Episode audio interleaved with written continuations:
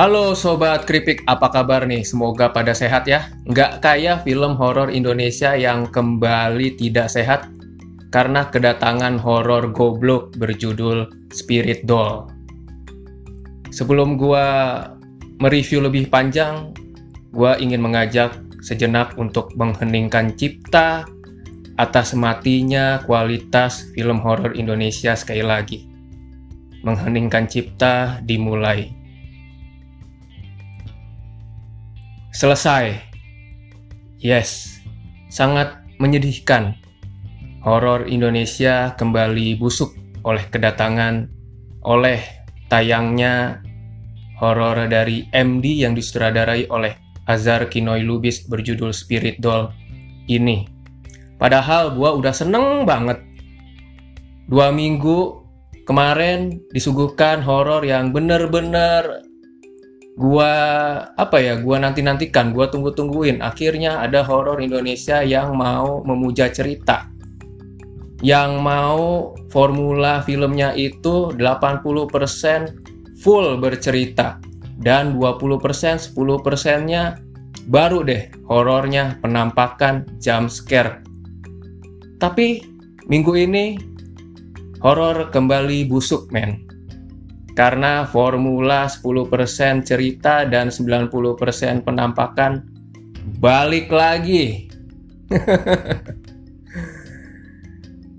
Diceritakan ceritanya sih sebenarnya nggak ribet, bisa dibikin simple, tapi kan kebiasaan penyakit film horor Indonesia itu sesuatu yang simple tapi dibuat ribet, dibuat rumit. Padahal mah nggak punya waktu mereka sebenarnya buat menceritakan semuanya gitu.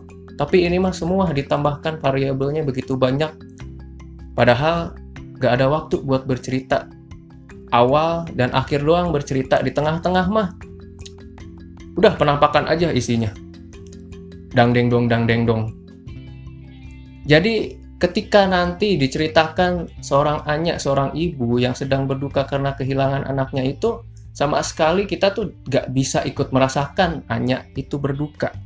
Proses berduka yang seadanya itu gak ada pengaruhnya apa-apa waktu gua nonton gitu. Sedih juga enggak gitu kan. Yang ada malah kesel. Ditambah lagi ini nih acting seorang Anya di sini sebagai pemeran utama tapi tidak berhasil menggendong filmnya. Gak hanya karena porsi bercerita itu nggak ada di sini ya kan tadi ya. Karena 80% emang buat jump scare setan-setan nggak jelas. Jadi ditambah lagi nanti Anya itu berakting ala kadarnya. Dia diperlihatkan sedang depresi, tapi kita tuh nggak bisa ikut merasakan dia itu depresi, dia itu berduka gitu. Cuma acting-acting ala kadarnya aja lah. Ada nanti adegan di bathtub cuma gue pengen mati, gue pengen mati, tapi gak ada efeknya gitu ke menonton gitu. Dan raut wajahnya itu ya datar-datar aja gitu. Gue jadi sebagai penonton jadi ah dia bilang dia teriak-teriak gue pengen mati, gue pengen mati, ya si sok sok wae paeh gitu maneh paeh wae gitu. Gak ada karena emang gak ada pengaruhnya. Ada atau enggak ada gak ada pengaruhnya. Karena film ini emang tentang penampakan aja lah. Hanya mati juga nggak ada pengaruhnya sebenarnya. Jadi udah nanti penampakan selesai ya kan baru deh diceritakan tuh. Apa seperti biasa lah pas film film horor Indonesia kebiasaan lagi. Pas udah di ujung durasi barulah dijelaskan A B C D. Nah di sini dijelaskan lewat sebuah surat oleh sebuah karakter yang tiba-tiba nongol lagi. Di awal ada di tengah-tengah nggak ada nanti di akhir dia muncul hanya untuk mengambil surat. Surat yang menjelaskan keseluruhan film. Dia muncul pun tiba-tiba dari rumah ngambil eh, dari rumah karakter lain dia mengambil surat tiba-tiba nanti muncul di rumahnya Anya. Seperti biasa film horor Indonesia karena gak ada waktu buat bercerita apalagi memperlihatkan proses ya. Karakternya dari A ber, apa pindah dari A ke B itu ya tiba-tiba dia udah ada aja gitu di situ. Yang penting mah ada.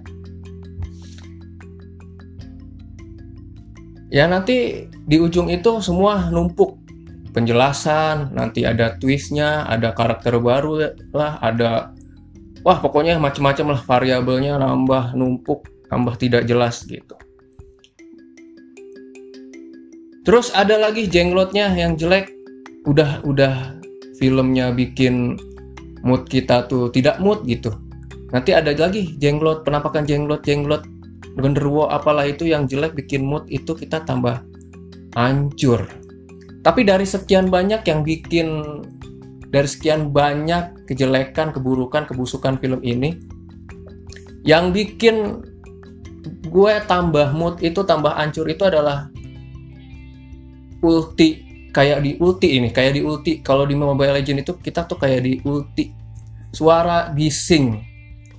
Film horor Indonesia itu kebiasaan lagi nih. Nggak percaya diri sama filmnya. Ya kalau gue jadi yang punya film sih gue nggak bakalan percaya diri sih kalau film horornya kayak gini ya. Jadi ya di ini aja didorong aja kita lagi-lagi didorong oleh suara-suara sound effect yang buset asli ini kenceng banget. Ini mah lebih annoying dari anak-anak pas puasa ya pas bangunin sahur ya.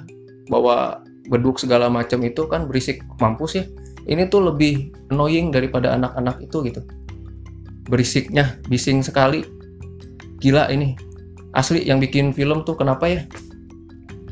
Kita tuh coba deh yang bikin film Spirit Doll rasain nonton di bioskop kuping lo apa nggak budek gitu.